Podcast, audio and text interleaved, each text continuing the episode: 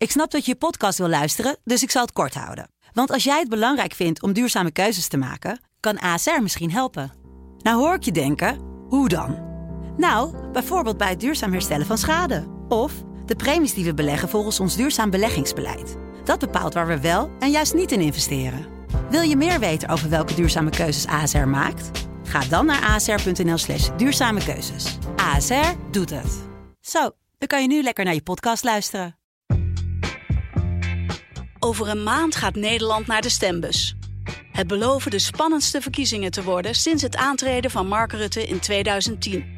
In het Haags kwartiertje praten de politiek verslaggevers van de Telegraaf je iedere dag in 15 minuten bij over de strijd om het torentje. Dat is dus echt gewoon een verkiezingsstunt. Het lijkt wel een beetje wanhoop om toch maar aandacht te krijgen. Ook bellen ze iedere dag met een politiek orakel over wat hen is opgevallen in verkiezingstijd. Dat is natuurlijk eigenlijk te gek voor woorden en iemand in de overheid heeft daar dus mee geblunderd. Het Haags kwartiertje. Vanaf maandag 23 oktober, iedere werkdag om half vijf op de site en app van de Telegraaf en in je favoriete podcast-app. Dit is Washington Calling, Remember who in God's name we are. This is the United States of America. de Amerika-podcast van de Telegraaf. Met Paul Jansen en Thomas Blom. We are in a competition with the world, and I want America to win.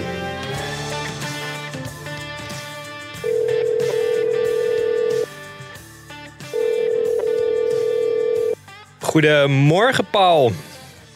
Morning. Goedemorgen. Laten we, laten we gauw beginnen. Zoals inmiddels gebruikelijk hebben we weer eh, ontzettend veel te bespreken. Maar allereerst misschien even de belangrijkste bijzaak in het leven volgens velen.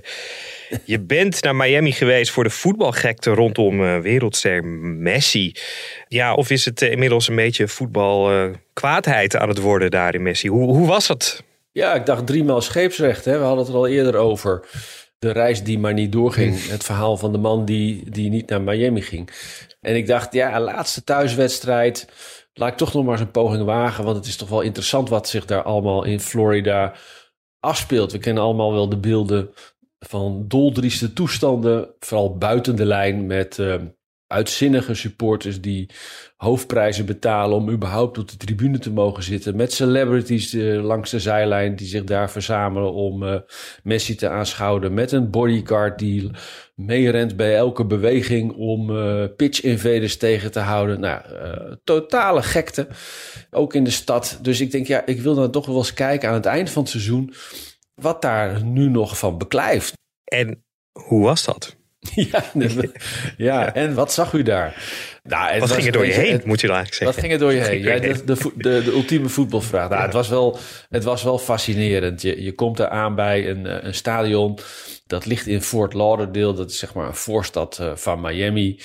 Op een lege vlakte. Nou weet ik, in Nederland staan de stadions meestal ook niet op de, op de A-locaties. Maar eh, en alles en iedereen eh, die daar rondliep eh, had dat zuurstok roze shirt aan, van, van de club Inter Miami met het rugnummer 10 met Messi. En wij komen dat stadion binnen. En dan moet je je niet, niet een voetbaltempel voorstellen à la eh, in Barcelona of in Parijs of de Arena in Amsterdam. Maar een, eh, een stadion met 19.000 zitplaatsen. Een ge- gemiddelde Dat is, dat is heel eh, bescheiden. dat is heel bescheiden. Maar goed, en dat stadion was bij lange nog niet vol, want Messi had de avond daarvoor gevoetbald met Argentinië. Ai, Tegen Peru, had twee keer gescoord en moest dus deze avond uitrusten. oi. Hij was er wel, hij zat langs de zijlijn. Hij kwam in burgerkleding, hij kwam eh, nog even in beeld en toen steeg er wel wat gejuich op. Maar ik zag erg veel lege plekken op de tribune. En ik heb eh, fans gesproken die toch wel erg teleurgesteld en ook wel boos waren. Ik sprak een, eh, een man met twee tienerdochters die helemaal uit, uit Barbados eh, waren gekomen om eh, Messi te aanschouwen. Hij had voor de tickets alleen al 750 dollar Oh. op tafel gelegd. En dan moest hij ook nog eh, dat hele eind overkomen. En dan, dan staat hij daar. En dan doet meneer Messi niet mee, omdat hij moet uitrusten van een interland. Nou, deze man, die was niet blij. En zo, zo waren er velen. Ehm, er wordt geklaagde vaste schare fans. Die uh, uh, hebben ook al protest aangetekend tegen het feit dat de prijzen van seizoenkaarten voor het aankomende seizoen door het dak uh, zijn gegaan. Want er wordt hier wel een slaatje uitgeslagen. Ja, en als je dan weet dat Inter Miami met Messi één na laatste staat. Ja, zo goed hebben ze het niet gedaan. dat... Totaal niet. nee. Met een, een, een doelsaldo van een min 14 zich niet hebben gekwalificeerd voor de play-offs. Ja, dan is het sportief een totale mislukking en in ieder geval een grote teleurstelling voor de fans geworden. Toch, de mensen die, die je rond Inter Miami spreekt, die zijn lyrisch. Want zakelijk is de komst van Messi een, een doorslaggevend succes. De kaartverkoop is door het dak gegaan. De prijzen van die tickets zijn enorm gestegen. En zoals uh, deze week, als hij dan niet meedoet, zie je meteen dat de kaartjes in de rams gaan. Um, Apple, die de wedstrijden streamt, die heeft uh, geloof ik een miljoen nieuwe abonnementen extra uh, verkocht. Alleen al toen duidelijk werd dat Messi zou komen. De shirtverkoop, uh, vertelde een kenner mij, die is inmiddels zo groot dat die, die van Michael Jordan evenaart. En Messi verkoopt natuurlijk mondiaal heel veel, heel veel shirts. Dus in die zin is er zakelijk is er eh, wel reden tot juichen. Maar ja, de gewone supporter die heeft daar natuurlijk eh, een maling aan. Precies. Wat ook nog wel grappig was, als je dan zo'n wedstrijd volgt... en ik zat eh, op de perstribune met links van mij een verslaggever uit Spanje... en rechts van mij een verslaggever uit Zwitserland. Nou, de halve wereld was was dan weer toegestroomd om die laatste wedstrijd te zien. Ja, en dan zit je, zit je daarna te kijken. Nou, het was een bedroevend niveau. Het was niet het niveau wat je zou mogen verwachten. Ze speelden 2-2. Dus uh, gelukkig deze keer geen nederlaag. Want ze hebben de laatste zes wedstrijden al niet meer gewonnen. En wat wel geinig was, als er dan gescoord werd door de thuisploeg dan werd er op het dak van het stadion een vuurwerk afgestoken. nou, als, alsof ze de Wereldcup hadden gewonnen. Ja, Dus twee keer ging het helemaal los. En toen dacht ik van, aha, die uh, stijging van die toegangskaarten... dat is niet alleen voor meneer Messi... maar ook om dat uh, enorme vuurwerk ja. uh, te kunnen betalen. Nou ja, goed, als je bij elk doelpunt dat doet... misschien snappen ze de regels nog niet helemaal. Goed, de kassa rinkelt in ieder geval in Miami... maar Zo de voetbalharten die huilen een beetje, heb ik het idee. Oké, dan over naar de serieuzere, maar niet minder interessante Ja. zaken. Hè. Eh, Er gebeurde weer veel. We gaan er deze podcast over hebben. Komt er ooit een einde aan de leiderschapscrisis in het Amerikaanse Huis van Afgevaardigden, die daar al een tijdje heerst? En wat is de laatste ontwikkeling in de Georgia-zaak van Donald Trump? En hoe beleven de Verenigde Staten de rap escalerende oorlog in Israël? We cannot and will not let terrorists like Hamas and tyrants like Putin win. I refuse to let that happen. In moments like these, we have to remind, we have to remember who we are. We are the United States of America. The United States of America. And there is nothing, nothing beyond our capacity. Nou, dat was een, een stukje uit de lang verwachte speech van president Biden. De zeldzame speech hè, in, eh, vanuit het Oval Office. Dat, dat doen presidenten op het moment dat er grote crisissen spelen. Hoe, hoe ervaar jij daar alles in Amerika, Paul? Nou, ik vond het allereerst een onsamenhangende speech. Ging van echt van de hak op de tak. Ik vond het ook een waagstuk om, om de crisis in het Midden-Oosten en de rol van de terreurbeweging Hamas één op één te knopen aan de rol van Poetin, de Russische president en eh, de oorlog in Oekraïne. En het ene moment zat hij in het Midden-Oosten, dan zat hij in Oekraïne en even later ging het over de binnenlandse situatie in Amerika. En je snapte wel, als je Biden hoorde, je snapte wel wat hij nou eigenlijk wilde zeggen.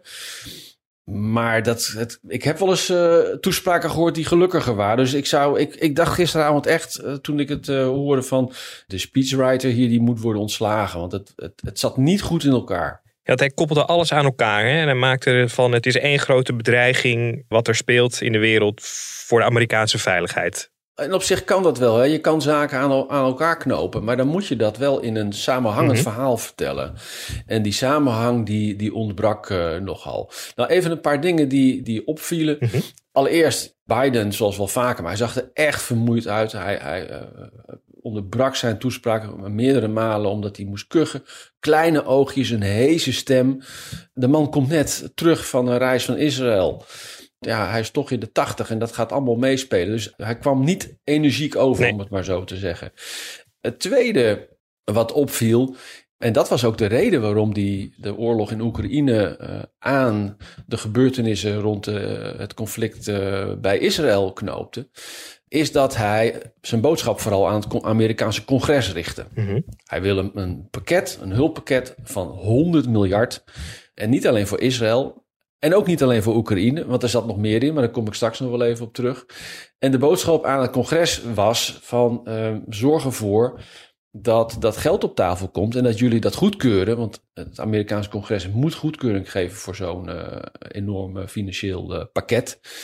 Dus gooide hij de conflicten op een hoop, omdat hij weet dat er natuurlijk in het, in het kader van de felle begrotingsdiscussie in het Huis van Afgevaardigden er eerder een flink hulppakket, een financieel hulppakket mm -hmm. voor Oekraïne is geparkeerd. Maar de steun voor Israël, die is veel breder in de Amerikaanse politiek. En dus heeft de regering Biden bedacht, nou weet je wat, we voegen het samen. Wel aardig is dat als je dan dat pakket van 100 miljard nader bekijkt, dan zie je dat van die 100 miljard is maar 14 miljard voor Israël. 14 ja. miljard. 60 miljard is voor Oekraïne. Er is ook nog 10 miljard ondergeschoven voor uh, humanitair. 14 miljard voor de grensbewaking bij Mexico. Dat is een ander, ander pijnpunt van de regering Biden en wat hem wel eens duur kan komen te staan volgend jaar bij de verkiezingen. En een derde item, we hebben het uh, eerder ook uh, over gehad, 7 miljard voor de, zoals ze dat noemen, Indo-Pacific region. En daar wordt Taiwan, Taiwan mee bedoeld. Ja. Maar het, het woord Taiwan, laat staan China, werd in de toespraak niet genoemd, want dat zou natuurlijk uh, de zaak alleen maar verder compliceren voor de Amerikanen. Maakt hij nu handig gebruik eigenlijk, tussen aanhalingstekens, van de crisis om nu een, een hoop pijnlijke dossiers er doorheen te drukken, denk je? Ja, dit, dit was zeker een moment waarin uh, de regering Biden dacht van, nou ja, um, dat pakket aan Oekraïne, dat, dat ligt daar maar op de plank. Dat mm. komt er niet doorheen. Maar zoals bekend uh, is die, die shutdown voorkomen van de Amerikaanse overheid, het sluiting van alle federale overheidsdiensten.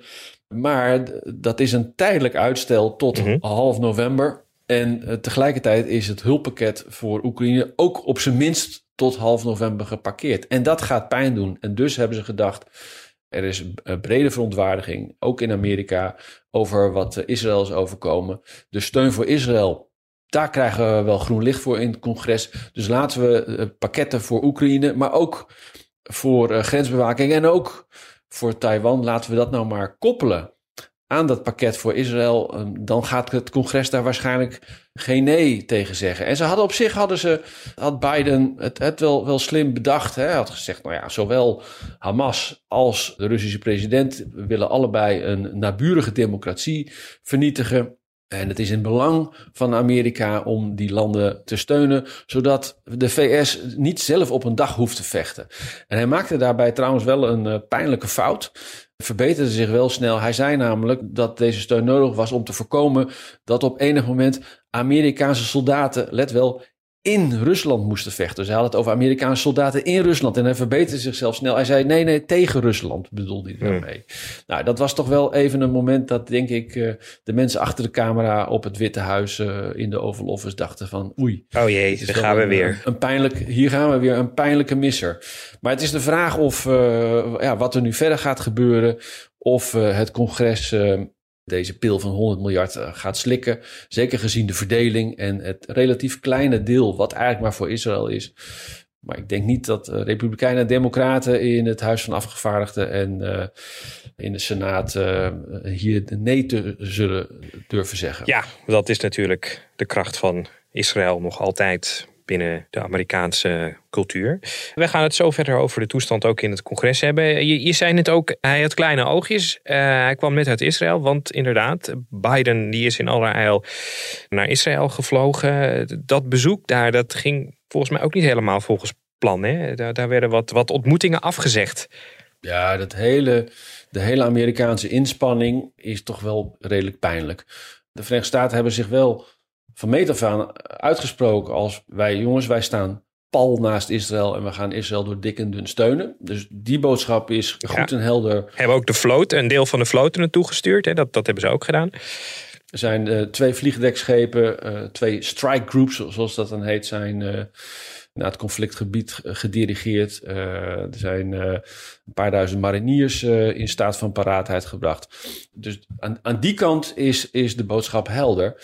Maar tegelijkertijd, en ik vind dat daar in de Amerikaanse media toch wat weinig aandacht voor is. En ik denk zelf wel eens van ja, hoe zouden de media hier hebben geschreven als dit Trump was overkomen? Mm -hmm. Want de Amerikaanse inspanningen om de Arabische Staten ook erbij te houden, ja, die zijn toch wel heel pijnlijk mislukt. Even een stap terug. Uh, aanvankelijk is natuurlijk uh, de minister van Buitenlandse Zaken Blinken naar de regio gegaan en heeft daar een ronde gemaakt. Nou, dan moet je even voorstellen. Dan komt hij eerst in, in Saudi-Arabië. Daar heeft hij uren, uren, uren heeft hij moeten wachten tot uh, de kroonprins hem überhaupt wilde ontvangen. Nou, dat was al Oeh. buitengewoon pijnlijk. Vervolgens is hij doorgereisd naar Egypte. En daar uh, kreeg hij van de president gewoon geschiedenisles. Dus die heeft hem even, even de les gelezen. En toen hij uit Egypte kwam op die maandag, dat was dezelfde dag dat hier in Amerikaanse media het bericht begon rond te zingen dat Biden wel eens naar de regio zou kunnen gaan. Nou ja, dat werd dan officieel verkocht als een steunbetuigingsreis naar Israël. Maar al heel snel werd duidelijk dat daar ook een component aan vast zat om de Arabische landen te ontmoeten. Nou, Biden zou dan naar Jordanië reizen, zou daar de koning ontmoeten, als mede uh, de president van de Palestijnse autoriteit, Abbas, en de Egyptische president Sisi. En toen kwam natuurlijk die explosie in het uh, ziekenhuis uh, in de Gazastrook, waarop de Arabische leiders één voor één hun afspraak met president Biden uh, afzegden. En het was zelfs zo pijnlijk dat uh, de, Palestijnse president zelfs niet telefonisch met, uh, met de Amerikanen Ja, Abbas, Abbas die, zou, die zou hem eerst ontmoeten, toen bellen en die heeft dat ook maar afgezegd. Ja, en dan, dan, is het, hè, dan kom je dus als, als Biden kom je dus naar het Midden-Oosten. Ja, toch een beetje om, om daar te zorgen dat het conflict rond de Gazastrook niet in een regionale oorlog uitmondt. En dan wil uh, één kant wil je niet eens spreken. Dat is voor, ik bedoel, dit gaat wel over de president van Amerika, die die kant op gaat. En eigenlijk, natuurlijk, hij is in, in Israël is hij met open armen ontvangen.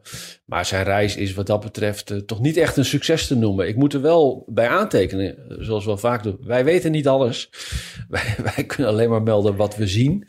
Maar voor, zover bekend is dit, dit toch wel een een pijnlijke uh, diplomatieke nederlaag ja. geworden voor de Amerikanen. Ja, nou ja, zeker omdat president natuurlijk ooit, ooit gingen alle deuren open en werden de rode lopers uitgerold. De Amerikanen hebben er een mooi woord voor. Hè? Hij is eigenlijk gewoon gesnupt door de leiders al daar. Is, is dat eigenlijk, hoe is daar in de, in, de, in de pers, in de Amerikaanse pers? Want in onze pers je, lees je dat het uh, niet helemaal een succes was en dat, die, uh, dat pijnlijk is. Maar schrijven de Amerikanen zelf er ook zo over? Zien die dat ook als een nederlaag? Ik heb me daarover verbaasd. Ik vond uh, de Amerikaanse pers uh, weinig kritisch. Ik wil niet zeggen dat er geen kritiek was, -hmm. maar het was weinig kritisch. Om een voorbeeld te noemen, uh, toen duidelijk werd dat, uh, dat de Arabische leiders Biden niet wilden spreken, verscheen hier een menig bericht in de Amerikaanse media onder de kop: Biden zegt reis af naar Jordanië. Ja. Weet je, feitelijk klopt dat natuurlijk wel, maar hij zegt niet af. Daarmee wordt toch weer het initiatief bij de Amerikaanse president gelegd, in plaats dat het nieuws zou moeten zijn. Arabieren willen Biden niet spreken. Ja. Of Arabieren gooien de deur uh, voor Amerikanen dicht. Dus uh, in die zin vond ik wel de Amerikaanse media uh, wat weinig kritisch. Zeker ook omdat je niet moet vergeten dat er natuurlijk Amerikanen onder de gegijzelden zijn door Hamas. En ook onder de doden. Ja, normaal gesproken zijn zowel de media hier als de, de politici daar meteen ontzettend fel op. En uh, ja, wat dat betreft uh, wordt hier toch ook wel uh, een, op een ander toontje niveau, toontjesniveau gezongen dan ik de pers ten tijde van het presidentschap van zijn voorganger Donald Trump wel eens heb zien doen. Zeker. Paul, je zei net ook, Biden had gewild om de Arabische leiders meer bij het hele probleem te betrekken. daar had hij natuurlijk wel een, een, een aardig punt, hè? Dat ze misschien uh, ook wat meer zouden kunnen doen? Nou, het is wel interessant dat uh, Biden, en ook belangrijk, en ook voor de Amerikaanse steun belangrijk, want dit is niet alleen een internationaal probleem voor de VS, maar ook binnenlands, want in Amerika is er wel flinke verdeeldheid sowieso een gepolariseerd land, zoals we weten, maar flinke verdeeldheid over de, de steun aan de Amerikanen. Er is ook, ook een aanzienlijke groep hier binnen de landsgrenzen die vindt dat Amerika veel te weinig oog heeft voor uh, het Palestijnse probleem, voor de situatie van de mensen in de Gaza-strook en ook uh, in de bezette gebieden aan de kant van, van Jordanië. Dus Biden heeft er ook op gehamerd op toepassing van het oorlogsrecht, oog voor de humanitaire situatie en het drama wat zich daar voor de bevolking, de Palestijnse bevolking afspeelt, die klem zit in dat gebied uh, van de Gazastrook. En ja, hij wilde natuurlijk met de Arabische landen ook onderhandelen om te zorgen dat zij mee zouden helpen aan een oplossing voor de humanitaire situatie. Want Biden, de Amerikanen, zagen natuurlijk wel en zien dat uh, nog steeds dat uh, een oplopend humanitair drama voor de Palestijnen wel eens het lont in het kruidvat zou kunnen Mhm. zijn voor bijvoorbeeld een tweede front aan de noordkant van Israël, waar Hezbollah natuurlijk staat te popelen om ook uh, een steentje bij te dragen aan de ellende. Maar mogelijk ook andere Arabische staten bij het conflict kan betrekken. Maar ook daar kreeg het Witte Huis uh, toch wel de deur in het gezicht dichtgegooid, want Egypte heeft duidelijk gemaakt dat zij uh, er absoluut niet voor voelen om Palestijnen massaal op Egyptisch grondgebied toe te laten. En ja, dat heeft natuurlijk wel een historische achtergrond. Er is een lange geschiedenis, zeker sinds de stichting van de staat Israël, waarbij uh, Arabische naties er uh, zelf ook een groot belang bij hebben om uh, de Palestijnen te laten zitten waar ze, waar ze zitten. A, als drukmiddel richting Israël, want een oplossing van het Palestijnenprobleem is uh, niet in, historisch in het belang van alle Arabische leiders geweest, uh, hebben we kunnen zien. Maar tegelijkertijd ook omdat het verleden heeft aangetoond dat het een, bijvoorbeeld een, een uittocht van Palestijnen naar een ander land tot destabilisatie kan leiden. En de gebeurtenissen in Jordanië na de Zesdaagse Oorlog bijvoorbeeld is daar een, een bekend voorbeeld van, waar de massale toestroom van Palestijnen en, en ook de leiders van de PLO uh, tot een staat heeft geleid. En in de jaren zeventig is daar uh, hard gevochten tussen Jordanië en met hulp van Syrië ook. en de Palestijnen in de vluchtelingenkampen aan de andere kant. Die kampen zijn omsingeld. Syrië is met tanks gekomen en die hebben de Palestijnen eruit gegooid in de jaren zeventig. Mhm. En die zijn toen met een vrijgeleide vertrokken naar Libanon. Nou, we weten allemaal hoe het daarna in Libanon is gegaan, waar de PLO uiteindelijk ook moest vertrekken. Dus uh, Arabische staten gebruiken de Palestijnen niet al, alleen als drukmiddel, maar ze zijn ook bang. Ze zijn bang dat als de Palestijnen uh, massaal naar hun land zouden komen, dat dat destabiliserend zou kunnen werken voor hun eigen regime. En ja, dat speelt allemaal een rol hier, ook om de situatie een beetje te houden zoals die is. En ja, zoals we weten is die situatie natuurlijk verschrikkelijk. Ja, kortom, het is een enorme kluwe van problemen en het einde is daarvan nog lang niet in zicht. Dan over naar een andere broeder twist. Het Huis van Afgevaardigden, ja, dat, dat blijft ook maar door, door emmeren. Het, is bij, het begint eigenlijk kolderiek te worden inmiddels. Hè. Surprising, on, chaotic developments. There is on, another, a new House vote for Speaker scheduled at so, 10 so that guy's supporters, by the way, let's just stop right Election here. denier let's just, stop, let's just stop right there. That guy. Ja, dat is toch pijnlijk. Zeker ook in deze tijd en zeker ook met wat we net bespraken. En nogmaals, een voorzitter van het Huis van Afgevaardigden is geen ceremoniële rol of, of een, hè, zoals het bij ons in Nederland, een, een rol waarbij je vergaderingen een beetje Nee. goede banen moet leiden en, en een visitekaartje bent voor het parlement. Maar het is echt een politiek inhoudelijke rol. Je bent echt een, een politiek leider. Ja, en als je dan al een paar weken lang uh, leiderloos bent in tijden van crisis, dat is uh, niet alleen uh, politiek gezien een aanfluiting, maar dat, dat doet het land ook echt pijn. Nou, Kevin McCarthy is natuurlijk uh, weggestuurd door zijn eigen Republikeinse partij, althans door een aantal congresleden daarvan, uh, na die befaamde uh, deal om een shutdown van de Amerikaanse overheid te voorkomen. Daarna kwam meneer Scalise, die zich opwierp als, als nieuwe leider, heeft het niet gered. Vervolgens kwam Jim Jordan van de rechterflank van de Republikeinen, ook een Trump-vertrouweling, kwam in de ring. Heeft nu twee stemmingen verloren. Zei toen, ik trek me terug. Zei toen, ik trek Toen me toch niet niet, terug. ja. Nou, uh, het is allemaal onduidelijk. De variant die we eerder bespraken van de tijdelijke speaker Patrick McHenry, die zou kunnen worden opgetuigd met meer bevoegdheden om in ieder geval het congres weer te kunnen laten doen waarvoor ze zijn ingesteld. Namelijk uh, hun, hun controlerende rol oppakken en met het voorstel van Biden, wat, die, wat er nu ligt, ook uh, dat tegen het licht houden en daar eventueel goedkeuring voor geven. Een tijdelijke rol met meer bevoegdheden voor die McHenry zou daar een oplossing kunnen bieden. Heeft ook alweer veel, veel protest opgeleverd. Dus men gaat rollenbollend over straat. En ik weet niet waar het heen gaat. Nee. En, niemand hier Nee, in niemand Amerika. weet. iedereen, kijkt, iedereen kijkt elkaar aan en denkt, ja jongens, wat is dit? En dit is wel politiek op zijn lelijkst hoor. Het is een, een, een botte strijd om de macht. Ja, de democraten zitten dat tegelijkertijd toch wel een beetje... zitten zich te verkneukelen. Met Ja, wat die zitten, die zitten met popcorn eh, ernaar te kijken. Nou ja, en venten dat ook uit, hè? Ja, kijk, dat dit, zeker. kijk, dit is wat je, wat je krijgt als de Republikeinen eh, het straks weer voor het zeggen krijgen. Vergeet niet dat we eh, bijna een jaar van de presidentsverkiezingen eh, zitten. Dus dat, dat speelt allemaal mee. En het wordt ook nadrukkelijk in, hier in de media uitgevent van... ja, die Republikeinen, het is zo'n chaos. Ze zijn het onderling niet eens. En denken jullie nou echt dat als Trump volgend jaar... eh, of überhaupt een Republikein in het Witte Huis zou komen... dat het dan beter Dat zou worden? beter Nee, ja. dan wordt het alleen maar erger. Dus, eh, beste burger in Amerika... Geef die stem maar aan ons, dan komt het allemaal wel goed. Ik moet nu ineens denken, en ik weet niet of je het antwoord daarop weet, en anders moeten we er volgende week even op terugkomen. Maar de voorzitter van het huis, dus de tweede in lijn van opvolging van de president, en mocht er iets gebeuren, eh, eerst de vicepresident, en als die uitgeschakeld is, dan wordt het de, de, de voorzitter, is Patrick McHenry. Heeft hij nou ook die status? Weet jij dat toevallig?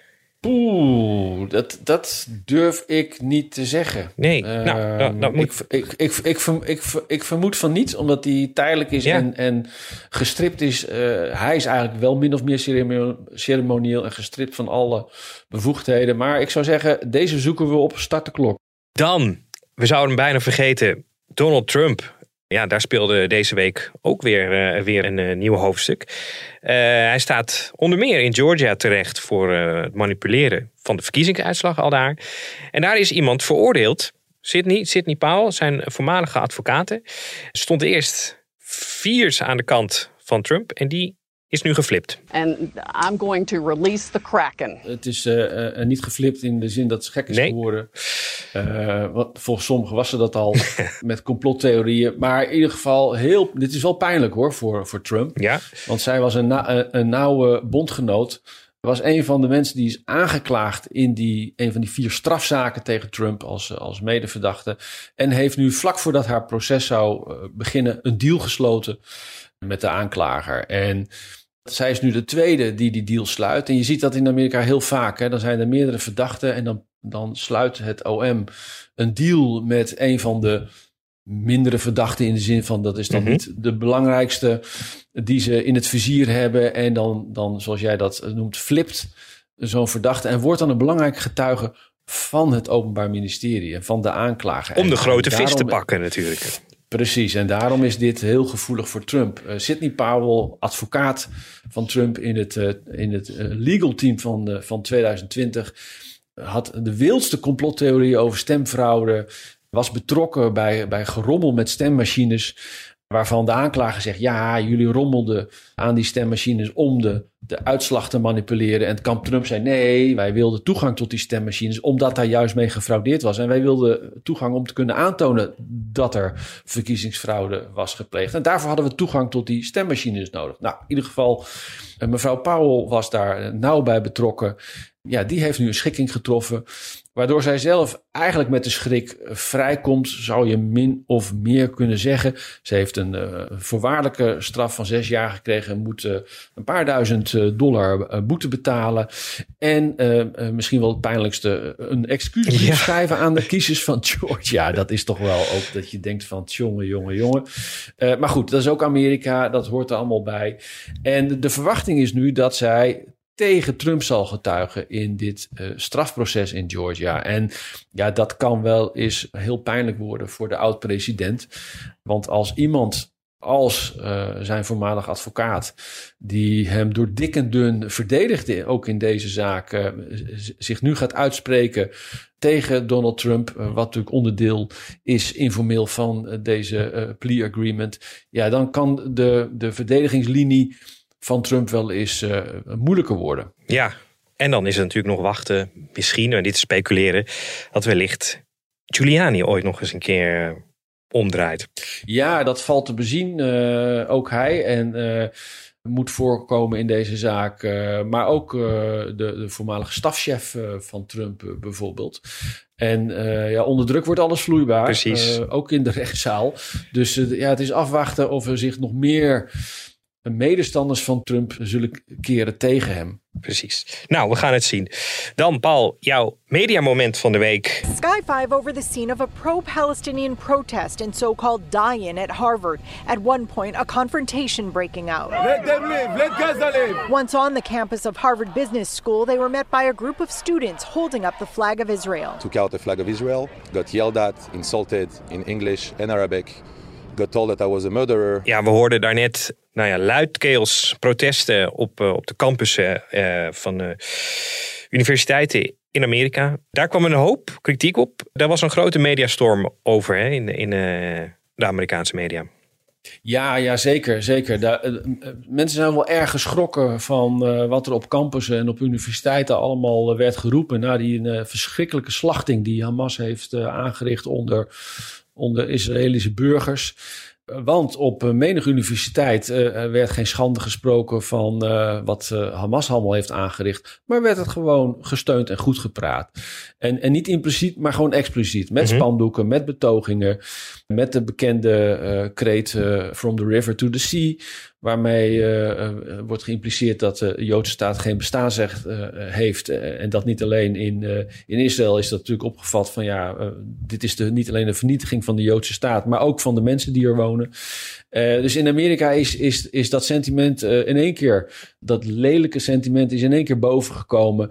En daar zijn heel veel mensen toch wel van geschrokken. Wat mij dan toch wel weer verbaasde, want ja, wij weten natuurlijk allemaal al veel langer dat Amerikaanse universiteiten historisch gezien altijd wel een beetje uh, een, een, een links-liberaal bolwerk, maar zeker de laatste jaren helemaal geïndoctrineerd zijn door die hele woke-ideologie, wat al tot uh, radicale standpunten heeft, heeft geleid. Dus in die zin is het niet heel erg verrassend dat ja, dit lelijke gezicht nu ook uh, boven komt. Maar het geeft, hier, het geeft hier veel commotie.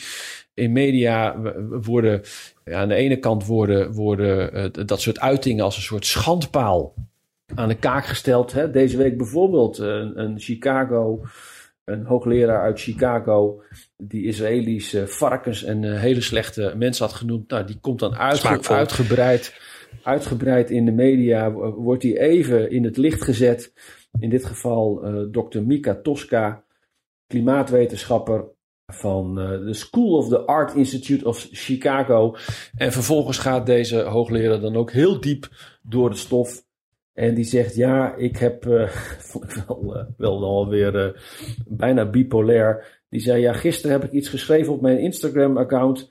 Wat ik helemaal verwerp en waar ik niet achter sta. Dan denk ik, ja, dat is toch wel opmerkelijk. En zo, zijn, er, zo zijn er een, inmiddels een hele reeks uh, studenten en professoren, niet allemaal, uh, sommige volharden, maar die uh, onder druk ja, in één keer terugkomen op hun uitspraken. Er is aan de andere kant ook wel veel kritiek dat lang niet alle universiteiten waar dit soort geluiden te horen vallen, daar afstand van nemen. dat verbaast dan weer wel.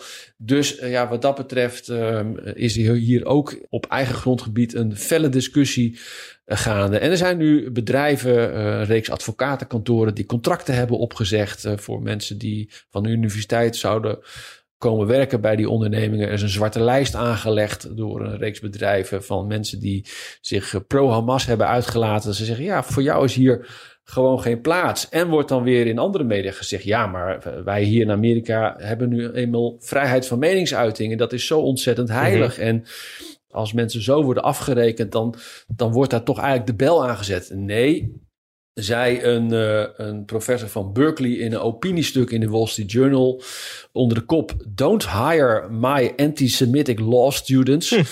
Een stevige kop. Eh, die had daar een betoog en die zei: Luister, het recht op vrije meningsuiting betekent niet dat het geen consequenties heeft. En dat vond ik eigenlijk een hele juiste, eh, terechte constatering. Je mag hier in dit land zeggen wat je wil, maar dat betekent natuurlijk niet dat je een vrijbrief hebt om maar eh, van alles lelijks te roepen, eh, zonder dat daar weerwoord of tegenactie op volgt. En dat was toch een professor van een vrij links bolwerk, Berkeley. Ja, ja, zoals altijd zijn er in alle kampen ook nog mensen die wel blijven nadenken. En Luis in de pels.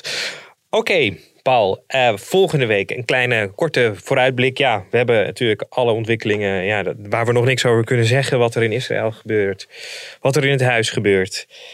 Maar is er nog meer op de rol waar we op kunnen voorbereiden? Er is in ieder geval uh, de eerste dag van de rechtszaak tegen George Santos. Ach, het, het congreslid. George Santos. Dat het jonge congreslid, wat zo'n beetje zijn hele cv bij elkaar gelogen heeft, uh, ook wordt beschuldigd van onder andere creditcardfraude. Die moet uh, voor het hekje verschijnen. Dus dat belooft uh, weer een, uh, een parel in de Amerikaanse democratie nou. te worden als die zaak voorkomt. Ja, en wij maken ons verder, uh, gesproken over belangrijke bijzaken, wij maken ons hierop voor Halloween. Ja. Ehm, dat is formeel, is dat nog net aan het begin van de week, nakomende week. Maar je ziet het hier overal wel uh, in, in de tuinen, in de winkels. Uh, overal hangen de griezels. En. Is jullie tuin al versierd, Paul? Nee, ik, heb, ik ben nog niet zo, niet zo ver. Ik heb hier alleen wat knagende eekhoorns rondlopen. En mensen doen echt hun best hè, soms. Dat zijn echt hele tafereeltjes die daar worden opgetuigd. Er worden kapitalen uitgegeven. Ik ben ook in een winkel geweest om eens te kijken en met mensen te praten van de, ja, welke kostuums verkopen jullie nou het meest op dit moment? En, en ook wat zijn de do's en don'ts? Die liet hem ook een aantal artikelen zien. Nou, alles is duur in Amerika, dus ook de griezelspullen. En ja, mensen geven daar toch grof geld aan uit, omdat ja, dat is een heel, heel belangrijk feest.